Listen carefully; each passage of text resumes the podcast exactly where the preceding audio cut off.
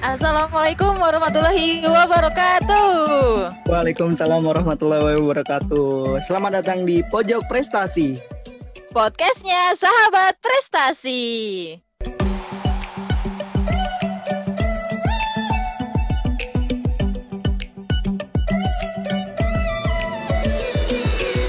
Iya bersama gua Abdurrahim Salabi. Dan gue sendiri Fahira Duyuni. Kami di sini sebagai host dari pod Pojok Prestasi. Pojok Prestasi itu apa sih teh? Jadi itu kita tuh bikin suatu podcast. Nah tentang ngebahas suatu prestasi-prestasi nih Del gitu. Kita tuh mau ngapain aja sih emang di podcast ini Del? Pastinya dong karena podcast ini kan uh, kita dari Departemen Pendidikan dan Prestasi BEM Fahutan, BEM Fakultas Kehutanan IPB University.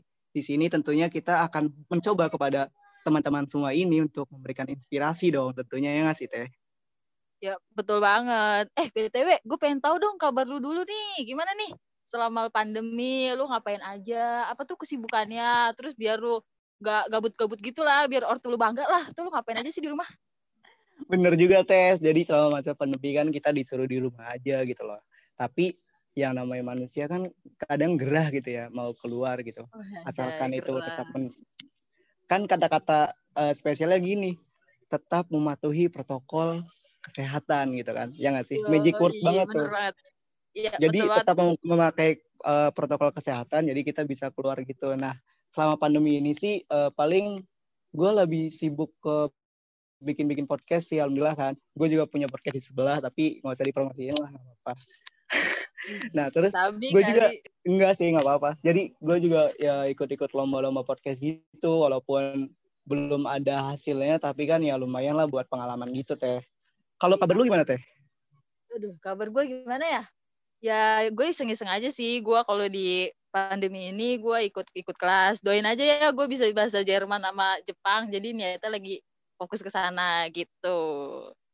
Nah lanjut nih. Kita mau ngapain nih Del? Jadi gini teh kan uh, sesuai dengan tujuan kita gitu loh memberikan inspirasi kepada semuanya. Gini yep, teh betul. bentar dulu. Lu uh, kepengen gak sih berprestasi gitu? Gua gua gua mau nanya pertama kali lu berprestasi kapan sih teh?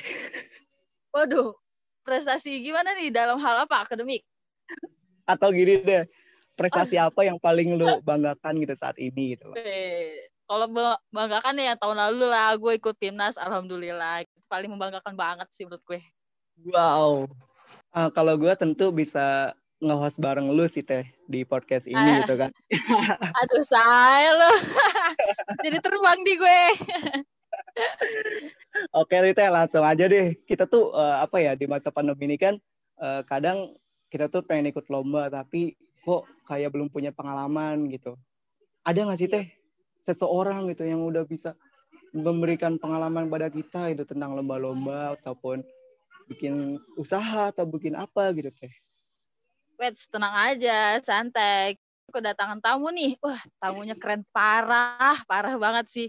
Sumpah nih namanya adalah Virga Tria Ilahana. Nah biasa dipanggil Ega.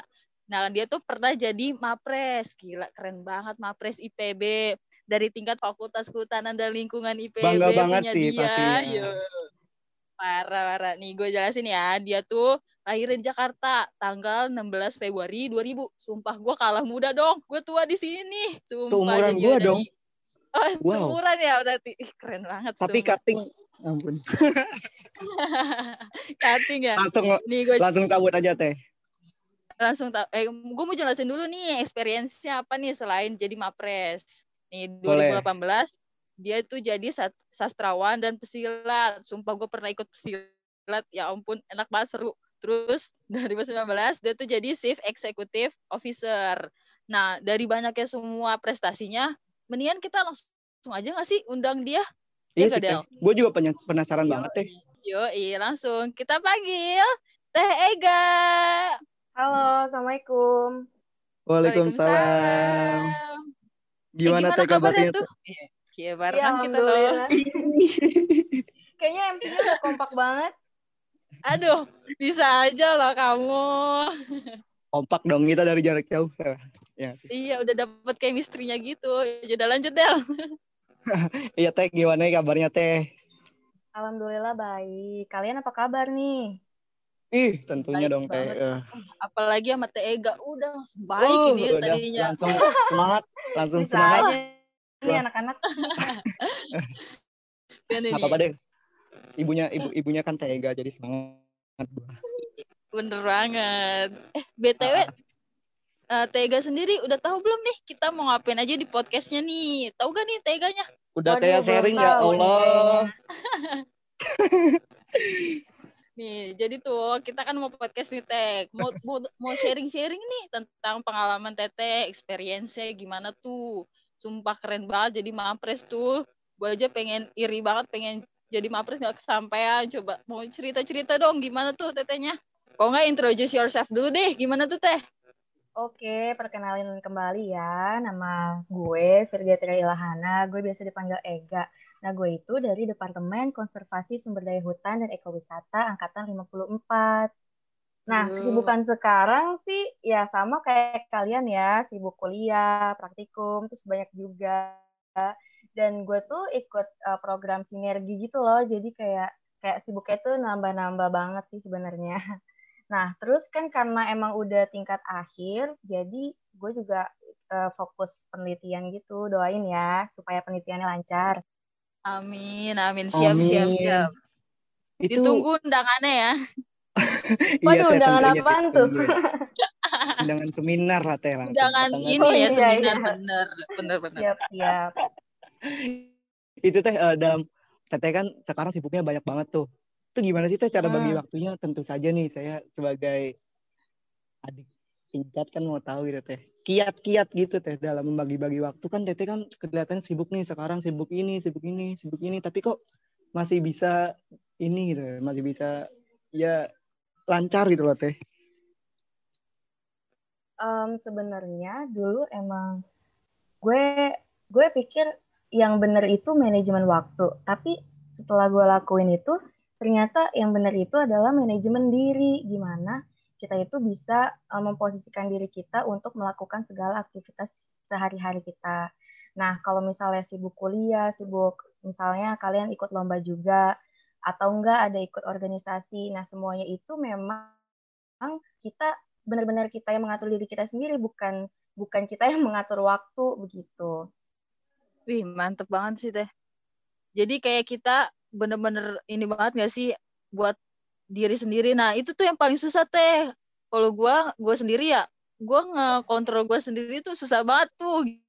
Gimana tuh kayak harus inget gitu loh. Gue tuh harus inget, gue harus kontrol diri, gue harus manage uh, diri gue sendiri biar kayak nggak keluar dari jalur gitu. Itu gimana tuh teh?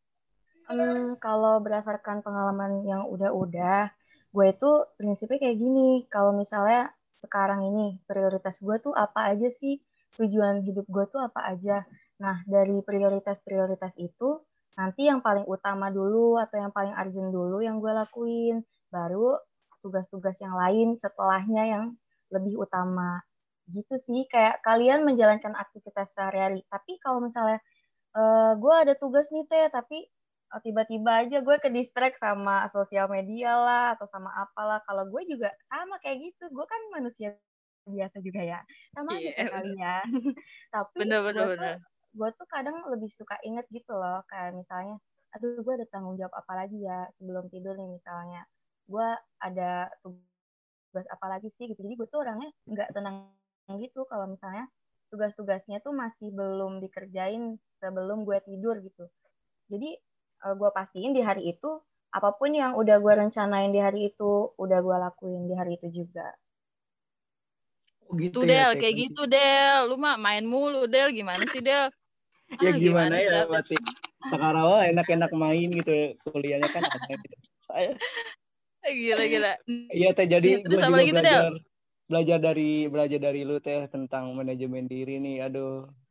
Bener sih masalah uh, mahasiswa ataupun mahasiswa baru itu kan emang sering kebablasan main gitu sampai kita lupa lupa kewajiban untuk belajar untuk yang sebenarnya kan kita kuliah ya teh ya.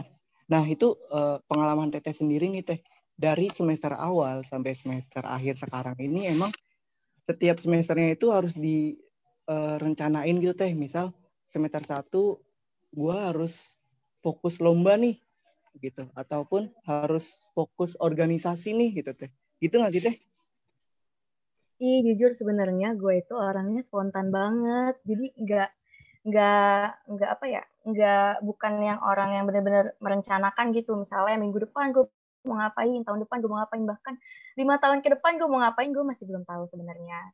Dan gue masih mencari-cari sekarang. Tapi yang pastinya kalau misalnya uh, segala aktivitas itu sudah harus kita lakukan itu pasti uh, gue mulai pikirkan gitu. Misal di tahun pertama kita kan sama-sama ngerasain asrama ya.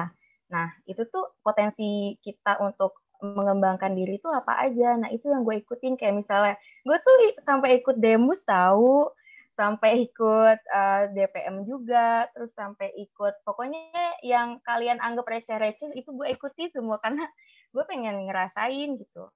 Karena dari situ juga um, gue sebagai manusia yang biasa aja ya gue tuh pengen bener-bener ngerasain jadi orang lain itu gimana sehingga gue bisa tahu persepsi orang lain itu bagaimana. Karena kan um, kalau di asrama itu kan kita nyampur ya dari berbagai macam budaya gitu. Sedangkan gue dulu SMA Jakarta. Terus emang sih ya stereotip itu kadang bener ya. Di Jakarta itu emang banyak yang individualis terus banyak yang mentingkan diri sendiri dan gue agak capek aja gitu ya sama um, lingkungannya seperti itu. Dan pas gue masuk IPB itu tuh bener-bener kayak wow ternyata orang-orangnya baik-baik ya. Dan dari situ tuh gue mulai kayak tertarik oh kalau gue masuk di sini gimana masuk di sini gimana? Salah satunya kayak gue ikut silat. Kalau silat itu gue emang dari SMA juga juga silat itu perisai diri dan gue terusin kan di kampus. Dan um, salah satu lomba pertama gue memang lomba silat waktu kuliah. Oh berarti kuncinya itu adalah pertama percaya diri, kedua bisa menyesuaikan diri iya, ya. Iya betul, iya benar menyesuaikan diri. Sama emang sih yang paling penting lu tuh sebenarnya mau ngapain sih di hidup ini karena uh, percuma aja gitu lo ikut ini itu tapi kayak rasanya hampa. Lu pernah kayak gitu gak sih? Pernah sih teh. Kayak nge ngejalin sesuatu tapi kagak ada apa sih? Kagak ada isinya gitu kayak aduh ngapain sih ini iya gitu, kayak kosong kan kayak misalnya kuliah aduh gue capek banget baru minggu pertama nih semangat kedua semangat ketiga kayak aduh gue gue ngapain sih ikut kuliah? Bener teh. sama kan? Sama aja kita tuh sebenarnya. Kalau udah Cuman semester kan paling genap ya iya benar bagian belakang. Lagi eh, mau tanya nih teh. Apa sih kayak prestasi Teteh yang paling berkesan banget banget banget menurut Teteh? Gimana tuh? Mau tahu dong. Sebenarnya yang paling berkesan itu yang Mama Press itu loh. Gimana tuh? Eh, itu, kita tuh teh, ih, itu, sumpah pengen eh, Gue sampai nah. berdarah-darah tahu, jujur aja sama kalian. Serius, gimana tuh teh ceritaan? Kayak horor banget berdarah-berdarah. eh, kalian itu kan di Fautan kan kita emang diharusin saling kenal nggak sih? Antara iya, angkatan bener. atau enggak seangkatan. Nah, lu bakal percaya bener, gak sih gue jadi Mapres? Kalau gue percaya teh Enggak sih. Ya, emang emang lu udah kenal gue sebelumnya. Nah, itu dia makanya gue gak tahu teh kok. Tete gitu kan. Nah, itu gimana sih teh? Ceritain dong teh. Kepo gue. Jadi, gue itu sebenarnya enggak mendaftarkan diri jadi mapres. Gue sama sekali enggak merencanakan untuk jadi mapres. Gue sama sekali tidak um, bercita-cita untuk jadi mapres. Coba gue pengen denger tanggapan kalian sih apa tuh? Apa tuh? Iya, maksudnya uh, kan tadi Faira bilang, uh, gue sendiri nih gue pengen banget jadi mapres, tapi eh, nggak uh, bisa gitu. Terus gue sendiri yang mapres malah gue nggak pernah mencita-citakan jadi mapres. Ya, biasanya kayak gitu tuh, tuh yang biasa mencita-citakan ya gitu aja gue tuh udah takut dari awalnya jadi kayak aduh gue gak punya prestasi apa-apa. Jadi kayak gue udah minder duluan teh. Tapi gue tuh punya gue pengen gitu tapi gak terwujud gitu. Dan sedangkan lu tuh gue ngerasa oh mungkin yang ikut kayaknya prestasinya lebih keren. Ya udah gitu. Jadi gue ya udah mundur gitu. Kalau menurut tadi gimana tuh? Oh jadi dulu tuh lu pernah daftar ya? Sempet pengen nyoba pernah. Tapi ya hmm. ya udah. Jadi gue tuh didaftarin sama temen gue tahu gimana tuh? Nah teman gue itu PJ mat kuliah kelas gitu kan. Nah, kebetulan um, panitia Mawapres tahun itu di tingkat fakultas itu Bu Ina. Kalian kenal nggak? Kalau nggak kenal ya udah. Nah namanya Bu Ina. Bu Ina ini karena dia um, kontak-kontakan sama teman gue itu yang jadi PJ kelas, PJ mata kuliah itu, dia nanya, e, kamu tahu nggak kira-kira teman kamu di kelas itu siapa sih yang kira-kira pengen bisa jadi mawapres gitu? Karena di departemen gue itu emang yang daftar itu baru satu orang. Sebenarnya dua tapi yang satu lagi tuh kayak uh, maju mundur gitu loh. Kan emang sih banyak dilemanya ya. Nah tiba-tiba karena teman gue itu deket sama gue terus dia juga udah tahu nih dia tuh sekelompok sekelompok mata kuliah sama gue kan. Nah, karena dia tahu gue tuh kalau di kelompok kadang suka ngatur lah, suka uh, ngasih motivasi gitu kan buat teman-teman kelompok. Jadi kayak ada nih bu, dia Irga bu gitu. Terus ditanyain Wadah. kan sama sama Bu Ina itu, menurut kamu gimana bahasa Inggrisnya dia gitu. Terus sama teman gue dijawab kayak, iya bu bagus bu bagus, anjir. gue kayak so tau banget nih anak gue aja kagak mau daftar tapi dia daftarin gitu kan terus tiba-tiba um, besokannya nih gue langsung ditelepon sama dosen. Dosen lain yang juga panitia.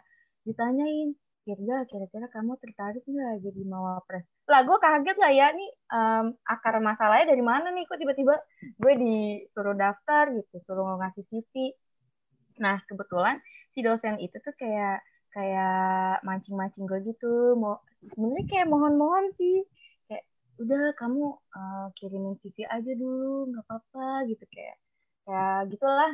Nah ya udahlah karena gue sebenarnya nggak enak. Sebenarnya gue kayak kasihan juga gimana sih di di departemen gue yang minat sedikit sedangkan yang yang udah daftar itu menurut dosen gue dia sulit banget dihubungi gitu. Jadi emang dosen gue itu yang sebagai panitia dia nyari-nyari siapa lagi sih yang bisa gitu. Emang dosen-dosen itu nggak ada yang notice gue loh awalnya kayak um, nggak nggak nggak terkenal gitu lah gue dulu. Soalnya gue emang lebih suka aktivitas di luar kampus di luar fakultas gitu.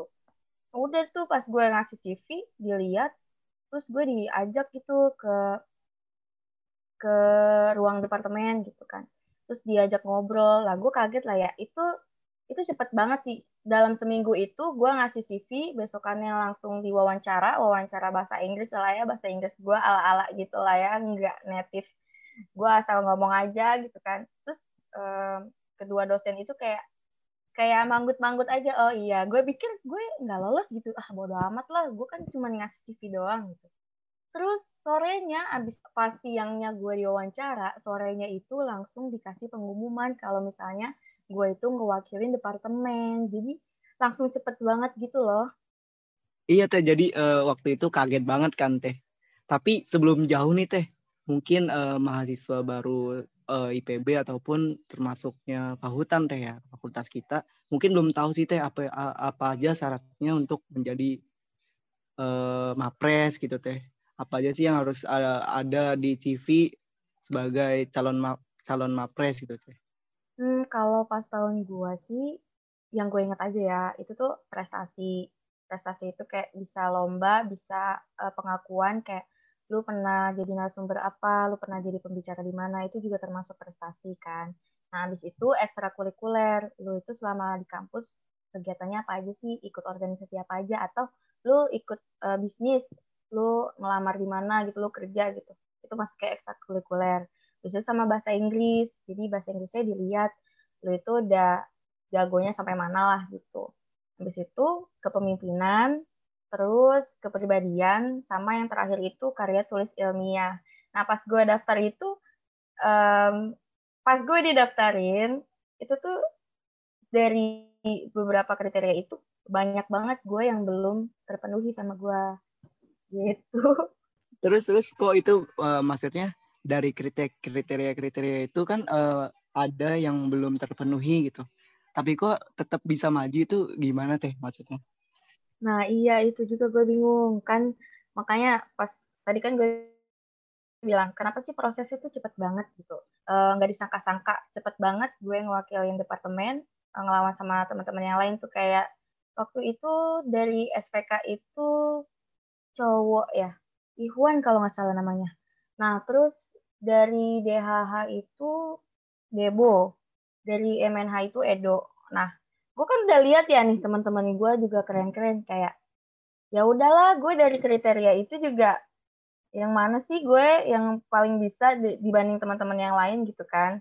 Nah, tapi emang usaha departemen gue juga ada sih kayak misalnya gue kan KTI belum, terus uh, Bu Ina itu emang kayak uh, nyaranin gue untuk segera buat gitu kan, untuk dipresentasiin di sidang lah gitu sama guru-guru besar uh, sefahutan waktu itu pas seleksi fakultas tingkat fakultas. Nah, habis itu uh, kayak misalnya lomba-lomba, gue juga belum terlalu banyak lombanya kan. Terus sama bahasa Inggris nih, gue yang PR banget. Gue tuh sampai uh, minta tolong sama temen sekosan gue buat uh, jadi temen speaking gue gitu. Karena gue emang uh, susah banget ya kalau misalnya ngomong. Tapi kalau nulis sama reading gue masih mendingan deh. Tapi kalau misalnya ngomong itu agak susah. Karena dulu pas SMA gue lumayan lancar. Tapi pas di IPB kan kita lebih sering pakai bahasa lokal ya, pakai bahasa Indonesia. Jadi um, udah mulai kurang tuh skill bahasa Inggris gue, makanya gue minta tolong sama temen.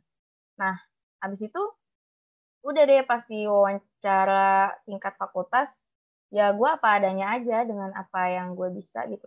Malahan gue pas waktu wawancara itu diwawancara dong sama 10 dosen di Fakultas Kehutanan dan Lingkungan. Itu tuh benar-benar kayak ngelebihin uh, sidang skripsi tahu uh, tegangnya. Tapi itu gue kayak ya kayak apa ya udah kayak ya udahlah kalau menang syukur nggak menang ya udah gitu. Orang gue cuman mewakili departemen gue doang gitu kayak pas waktu itu juga gue lagi sakit jadi kayak gue lemas banget gitu um, presentasinya gitu jadi gue udah kayak ya udahlah palingan juga bukan gue gitu karena teman-teman gue yang lain lebih keren gitu dibanding gue pas waktu itu Parah, iya, apa adanya lu aja sampai lulus kayak gitu, sumpah. Uh, uh, Apalagi minder. niatnya lu, coba ya Gadel. Lu bayangin eh, Gadel, iya. sumpah eh. tega ini parah.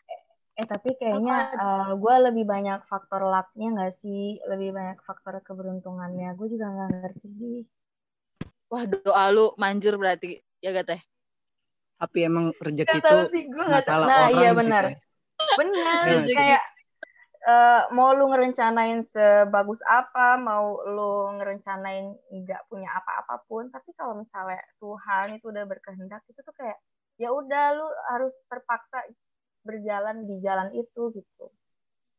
Masya Allah. Tapi nih, tapi tuh? nih uh, kalau misalnya gini nggak sih teh pelajaran dari kisah Tete ini, uh, kita ini nih yang yang gue tangkap nih ya, kita ini emang uh, boleh tidak merencanakan sesuatu, tapi jika ada kesempatan ya lakukan gitu loh ya teh. Nah betul ya, banget, betul banget. Nating tulus aja nggak sih teh? Iya benar, karena gue spontannya juga kayak gitu sih. Kayak misalnya kemarin um, itu kan ada uh, apa ya hmm, pendaftaran sinergi, tahu nggak sih kalian? Fast track itu. Itu tuh gue oh, sama iya, iya. sekali nggak kepikiran. Kalian juga bingung kan kenapa gue uh, kelahiran tahun 2000 itu karena di SMA-nya gue gue juga Axel. Jadi cuma dua tahun kan SMA-nya nah habis itu pas di IPB juga karena di SMA udah kayak gitu gue pikir kayak ya udahlah ngapain sih gue Axel lagi tapi pas ada kesempatan itu gue tuh kayak mikir gue udah siap kerja belum ya? Ya udahlah gue belajar lagi aja nambah setahun gitu. Terus keluar keluar udah S2 gitu. Emangnya mau oh, gimana lagi ya? gitu gak sih sumpah? Ya lu speechless gak sih? Gue aja jangan speechless. dong jangan speechless. Kayak gini loh. Uh, teh gue mau mau nanya nih. Jadi tuh gue ya kalau misalkan tentang kayak pengalaman baru gue takut duluan gitu teh. Jadi mana ya ngilangin kayak takut duluan oh, kayak iya, takut iya. salah, takut gini gini gini gitu, takut gak bener, takut gak enak kalau misalkan ada jurinya ngomongnya salah itu kayak gimana tuh teh biar ngelepasin mindset kayak gitu tuh. I, um, emang emang apa ya intinya tuh dipercaya diri sih. Awalnya gue emang gak terlalu percaya diri kalau misalnya gue bisa gitu. Kalau masalah kayak um, fast track itu kan sebelumnya SMA gue udah pernah Nah, SMA itu emang gue bener-bener parah banget sih apa persaingannya itu kayak sampai teman makan temen juga ada gitu. Tapi kalau misalnya pas selama gue perkuliahan di IPB kayak masih biasa aja gitu, gue masih santai. Jadi gue mikirnya kalau misalnya gue ikut fast track, kayaknya gue nggak seberdarah dulu deh pas waktu di SMA. Ya udah gue coba gitu, bisa. Dan sekarang masih dijalanin ya. Nah, tapi kalau misalnya kayak peluang lomba lah, ikut nggak ya, ikut nggak ya? Ya udahlah, selagi gue masih ada sedikit waktu, misal untuk melakukan itu, ya udah dicoba aja dulu gitu. Soalnya gue orangnya agak kayak bodoh amat ya, mau orang ngomong apa gitu. Karena itu itu nggak sih salah satu hmm, poin komunikasi, poinnya lo apa bisa public speaking itu kan karena ya udah apa yang lu mau sampaikan ya lu harus percaya itu benar gitu nggak perlu harus mikirin orang lain itu harus berkata apa gitu. Meskipun dalam hal yang uh, meskipun dalam apa pun yang lu sampaikan lu juga harus mikirin kira-kira orang lain ini bakal gimana sih tanggapannya gitu. Kayak melakukan uh, sebaik yang lu bisa aja. Bener sih teh. Jadi apa pun yang kita lakukan itu hater itu pasti pasti ada sih teh. Ya nggak iya, sih? pasti ada. Karena manusia nggak ada yang sempurna Bener banget. jadi jadi mau kita lakuin A ya udah gitu. Kalau misalnya kita yakin A itu benar lakuin gitu. Walaupun ada yang nggak suka gitu loh. Kadang ada aja haters yang nyela-nyela gitu kan. Misal nih gue nih bikin bikin podcast yang judulnya apa apa maksudnya ngebahas tentang perkenalan lebih, gitu dong judulnya.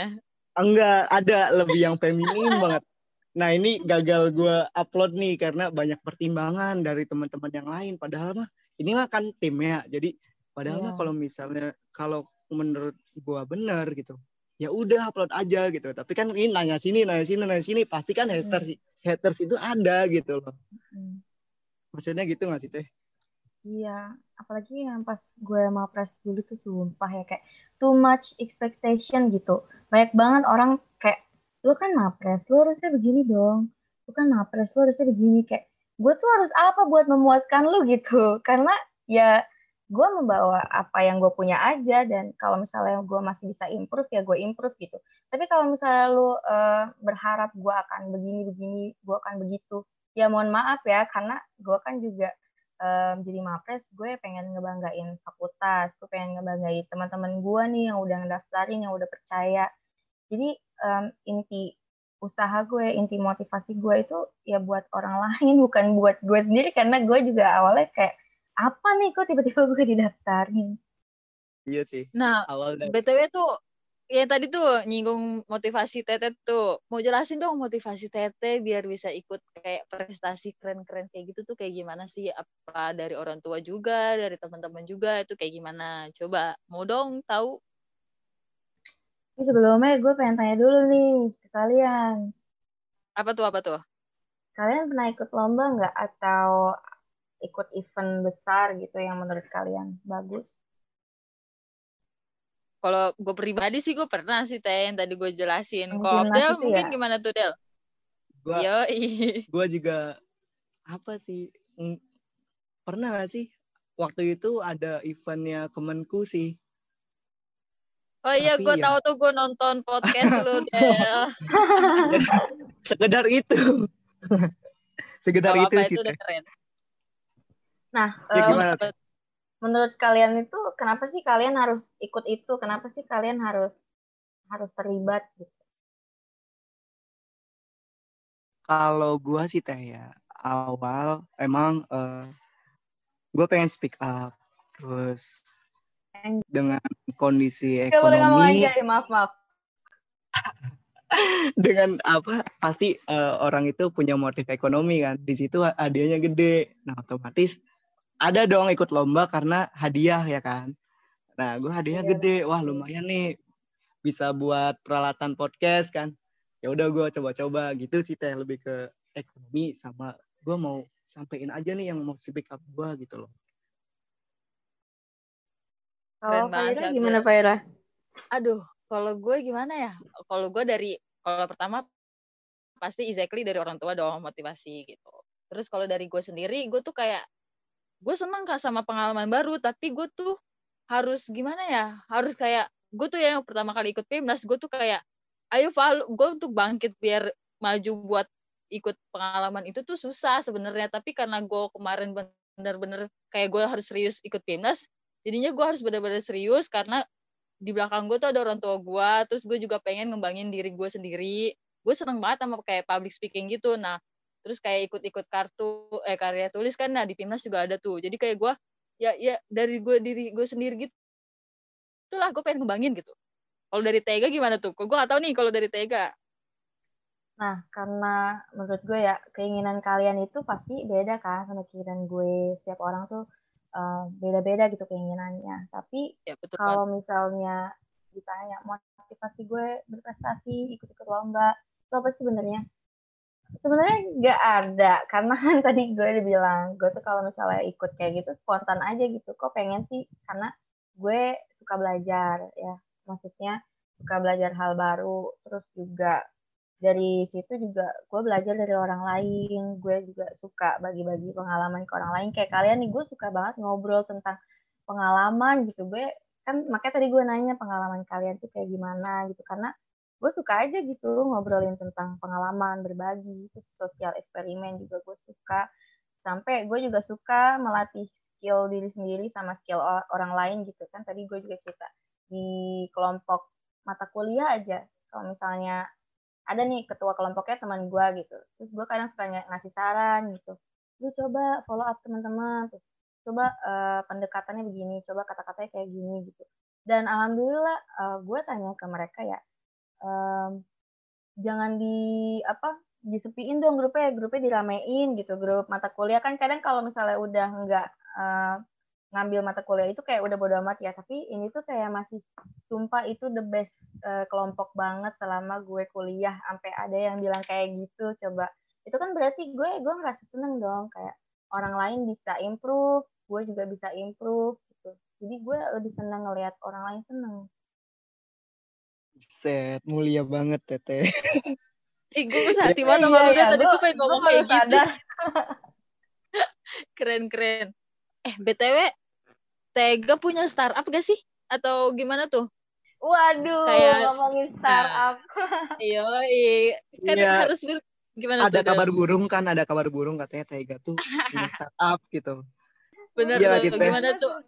Tahu lah Tega kabar burung jadi ya iya sih tadi kan gue juga sempet bilang ya kalau misalnya gue lebih suka aktif di luar kampus sama di luar fakultas nah pas waktu gue tingkat satu tingkat satu akhir itu gue emang ikut startup di uh, mereka menyebutnya NGO ya NGO namanya Sahalam Tech nah pas gue ikut gue jadi staff biasa sih tapi setahun kemudian gue diamanahin gitu jadi CEO-nya. Makanya tadi kan jadi sebutin Faira tuh ada di CV gue juga.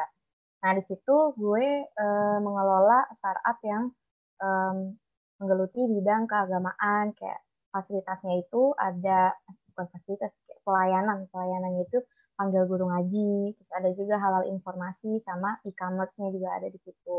Nah dulu gue tuh running itu dari tingkat tiga lah ya mulai uh, intensif tingkat 2 ke tingkat 3. Nah, jadi gitu deh. Cuman um, karena satu dan lain hal, sekarang gue udah resign dari situ karena gue lagi sibuk kuliah, gue sibuk um, penelitian juga. Jadi gue udah memberhentikan itu, memberhentikan diri dari startup itu. Ya sayang banget, padahal gue baru mau join teh, gimana sih teh? Sama teh. Mau join gimana? kan gue mau memperbaiki diri gitu. Waduh, mau belajar ngaji ya? Iya, ketahuan dong gue gak bisa ngaji. Aduh. Waduh. Bisa lah, gue bisa. Dikit-dikit mah, bisa lah. Abdel tuh ngajarin gue teh. Iya, bahasa Jerman kan teh. Waktu Jerman di, banget, dikasih dahin. iya teh, tapi uh, gini, ngomong-ngomong startup kan ya gue juga sebenarnya pernah sih ikut ikut startup gitu teh. Tapi jadi dutanya gitu loh. Maksudnya yang nyebarin informasi ke kampus gitu. Apa apa nggak kedengeran? apa dutanya coba dong. di confident eh, jadi gini teh. Tapi ada ada kendala tuh teh. Jadi visi visi saya sama startup itu beda gitu maksudnya jangan diceritain lah. Nah iya, gue juga banyak masalah di startup itu, nah, makanya iya, jangan gue gitu. juga ceritain ke kalian. Iya, jadi kadang uh, apa uh, komitmen kita yang awalnya itu kita semangat untuk masuk ke situ, tiba-tiba luntur karena berbagai macam hal gitu kayak kita beda prinsip, beda apa segala macam. Itu kan Tete udah mulai dari semester berapa tiga ya? Semester satu apa?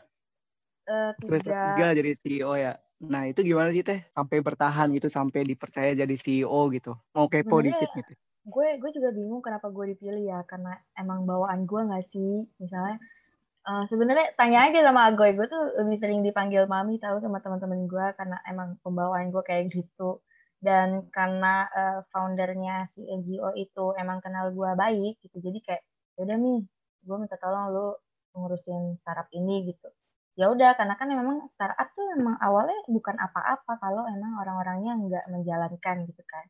Nah karena gue diamanin jadi CEO gue mulai nyari nih CMO-nya siapa CTO-nya siapa CFO-nya siapa gue gue cari kan yang dan gue nemunya emang teman-teman sedepartemen gue yang gue percaya oh dia bisa uh, jago marketing terus dia juga jago nih um, jago IT gitu kan bisa buat website dan lain-lain gitu Nah, emang kendalanya di situ sih sebenarnya yang buat gue udah mulai nggak pegang sarap itu karena ada seleksi mawapres ini.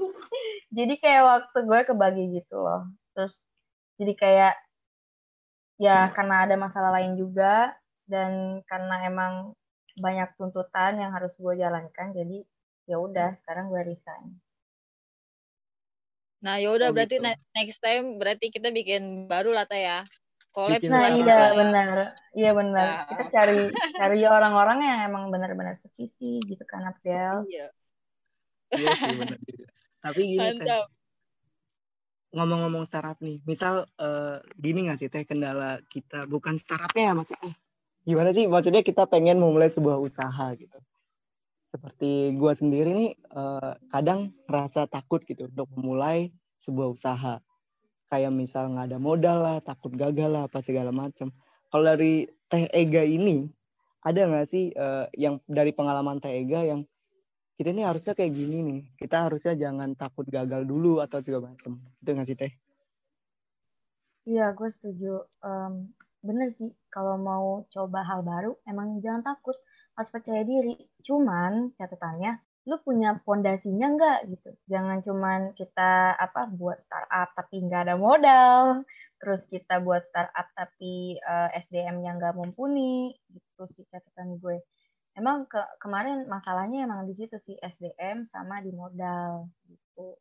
Dan next time kalau emang lo mau buat lo mau seriusin kalau gue ya pendapat gue kita tuh agak susah usaha dibarengi dengan kuliah karena itu dua prioritas yang berbeda loh.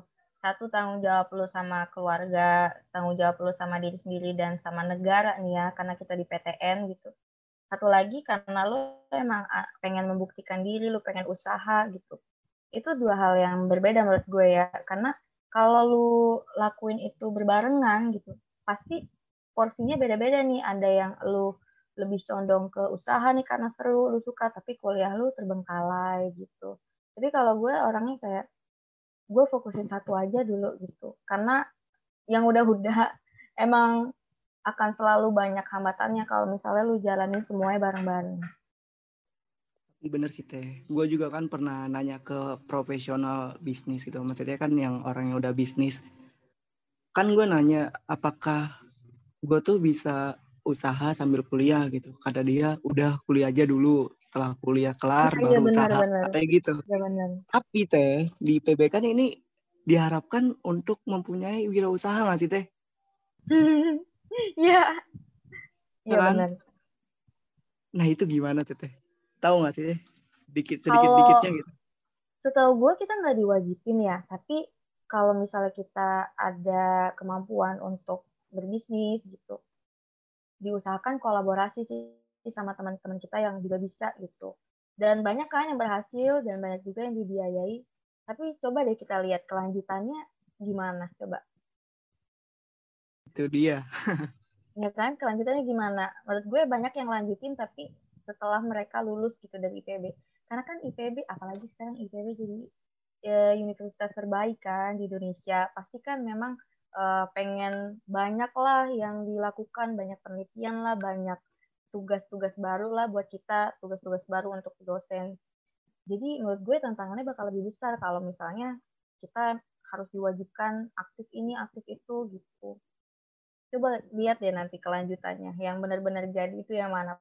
pasti sedikit banget kan karena itu yang gue bilang prioritas itu memang cuma satu nggak bisa banyak tapi temen eh tapi temen gue tuh ada tuh teh ini Pimnas tapi ya satu dua sih yang kayak lu bilang gitu yang kayak bener-bener ngelanjutin usaha nyampe sekarang gitu gue nggak ngerti yeah. kalau yang sampai sekarang tuh dia emang mungkin ya nggak tahu gue SDM-nya lebih keren atau gimana nya gue nggak tahu tapi ya gitu rata-rata emang nggak jalan gitu gue kan waktu itu juga pernah ikut lomba kewirausahaan ya di Batam itu. Nah, emang sama teman-teman yang udah punya usaha kayak Torbos, terus Knowledge, terus apa lagi ya?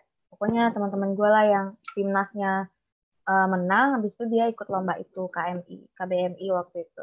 Nah, pas gue tanya juga, setelah lomba ini lu mau ngapain gitu? Nggak tahu, gue masih produksi atau enggak ya kan. Itu emang masalahnya di itu. Gitu di mas kalian tuh masih ada banyak prioritas kuliah. Iya bener banget gitu. teh. Iya tapi iya, jadi, tapi gue gimana tuh? Uh, enggak tapi gue mau nanya lagi nih teh itu kan teh lomba lomba itu tiba-tiba dapat teman apa gimana sih teh? Maksudnya sistem di PB ini kita tuh bisa pilih teman untuk ikut lomba atau kita tuh daftar-daftar sendiri gitu loh teh. Barangkali oh. ini mahasiswa baru tuh belum tahu gitu loh. Kalau lomba yang kewirausahaan itu lagi-lagi gue nggak daftar tapi karena waktu itu Mawapers sudah jalan kan jadi otomatis orang di Mawa udah lihat nih prestasi gue apa aja. Salah satunya yang gue jadi CEO itu. Nah karena waktu itu kan Pak Ujang yang jadi panitianya ya ke perwakilan dari IPB ke uh, lomba itu. Terus beliau lihat kan kalau misalnya wah ini bisa potensi nih dilombakan gitu startupnya gitu. Tapi karena cakup startup gue lebih kecil, terlalu kecil lah, banyak lah saingan startup yang kayak gue gitu. Dan startup gue waktu itu belum uh, berjalan maksimal gitu. Jadi yang dilombakan itu NGO-nya, makanya gue dipanggil sama Pak Ujang. Terus dibilang, kamu tertarik nggak ikut lomba ini? Gitu. Terus gue bilang, e, saya nggak ada wewenang Pak di NGO, tapi di startup mah ada. Gitu. Cuman yang dilombakan NGO. Jadi gue panggil uh, founder NGO-nya, terus uh, foundernya itu um, nyari teman-teman lain gitu yang bisa dipercaya anak IPB juga untuk mewakili NGO itu dalam lomba di Batam pada saat itu. Cuman kalau teman-teman gue yang lain, kalau kita kan kasusnya kayak dipanggil kan, tapi yang lain itu daftar, ada seleksinya, dan yang tadi gue bilang mereka kan udah menang timnas.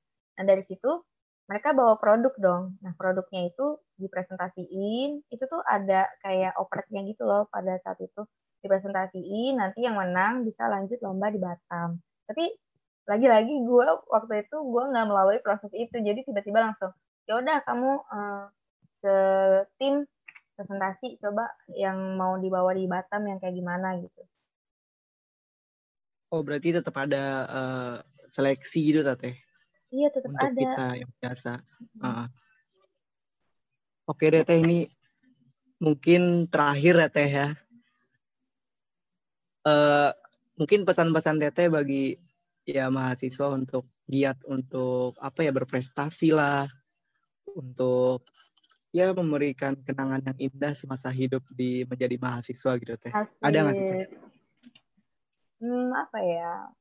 Paling uh, berdasarkan pengalaman gue yang sudah sudah gue cuma kasih saran aja sih ke kalian.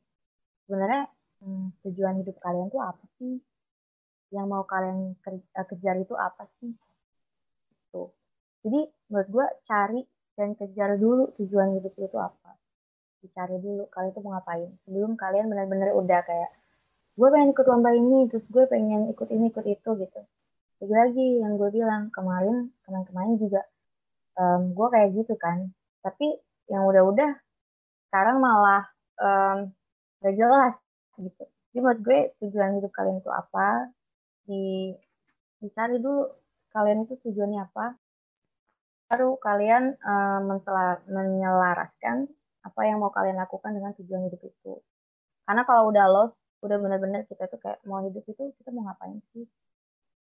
Kalau misalnya banyak prestasi sebenarnya lu tuh berprestasi tuh buat ngejar apa sih? Gitu kan. Kayak emang orang tua lu bakal senang.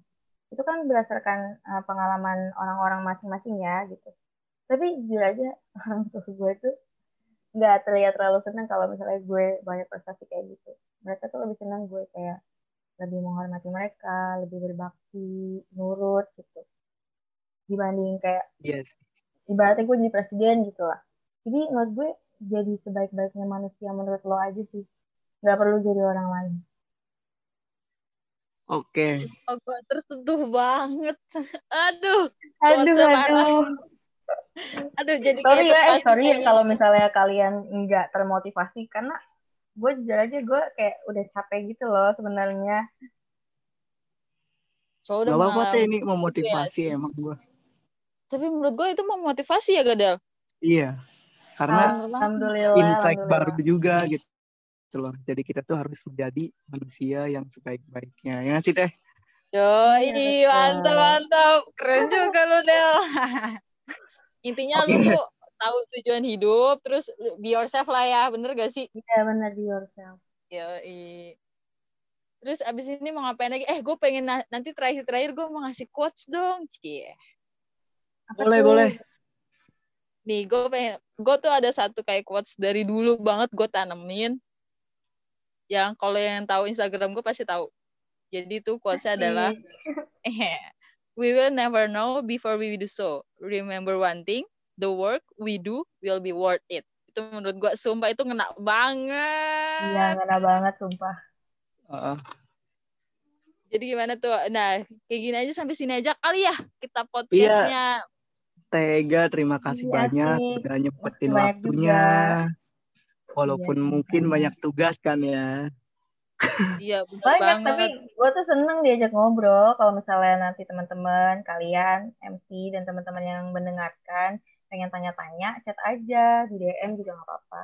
Pasti gue bantu. Apa tuh namanya teh? Nah, mau, mau tahu dong Asik. nama Instagramnya. Iya barangkali ada yang kepo kan. Iya bener banget. Apa tuh teh? Gampang, Hayega. H A Y E G A. Ya langsung. Nah, H A Y E G A. Langsung Mantap, follow. bisa di follow, langsung follow. eh, Faira, gue udah, gue udah nge-follow lu tahu. Serius? Wah, Serius? gue follow Udah gue follow back kan? Udah deh kayaknya. Enggak, belum ya. Fahira tuh emang sombong. Parah banget. Ah, aduh, jangan dong. Enggak dong. Gue juga masih belajar dan ini nih. Tega ini. Uh. Nah nih langsung nih gue follow ya. Tuh. Asik tuh follow back. Bener-bener sih Abdel ya. Jangan modus lu ya Del, mentang-mentang 2000 sama lu ya, awas lo. Ih, masih astaga. Astaga, cutting tuh Del. Ampun. Eh, beneran dong langsung di follow. ya udah teh mungkin. Ini terima kasih banyak teh udah nyempetin waktu segala macamnya. Uh, terima kasih juga atas uh, apa tadi pembelajaran hidupnya dari Teteh semasa menjadi mantap. Wadaw. Semoga pendengar ini juga termotivasi gitu oleh Kak Ega. Teh Ega. Jadi kalau misalnya tadi pendengar mau kepo-kepo dengan Teh Ega, bisa aja langsung follow IG-nya ya. At H A Y Ega. Oke. Oke Teh. Okay. Mungkin sampai sini aja. Semoga sehat selalu Teteh di masa pandemi ini. Dan Semoga tetap sehat jaga selalu semangat. juga kalian ya. Semangat. Terima kasih. Terima kasih Teh. Yaudah, thank you nih yang buat ngedengerin pojok prestasi, Cie. Iya, Makasih jangan lupa juga nanti apa tuh? Nanti kita akan apa ada episode-episode berikutnya dong bersama bidang bidang bener lainnya. Terakhir Del, pojok prestasi podcastnya, podcastnya sahabat prestasi. Sahabat prestasi. Yuhu, see you next time.